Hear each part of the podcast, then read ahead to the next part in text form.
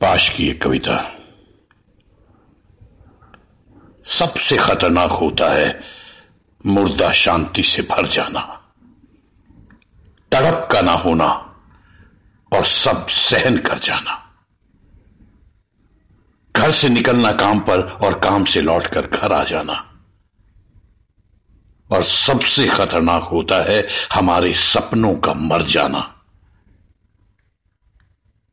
सबसे खतरनाक वो चाँद होता है, जो हर हत्याकांड के बाद वीरान हुए आँगन में चढ़ता है, पर आपकी आँखों में मिर्चों की तरह नहीं पड़ता। सबसे खतरनाक वो गीत होता है, जो आपके कानों तक पहुँचने के लिए मरसिया पड़ता है। आतंकित लोगों के दरवाजे पर जो गुंडे की तरह अकड़ता है। सबसे खतरनाक होता है सपनों का मर जाना। सबसे खतरनाक वो आँख होती है जो सब कुछ देखती हुई भी जमी बर्फ़ होती है। जिसकी नज़र मोहब्बत से चूमना भूल जाती है, जो चीज़ों से उठती अंधेपन की भाप से ढुलक जाती है।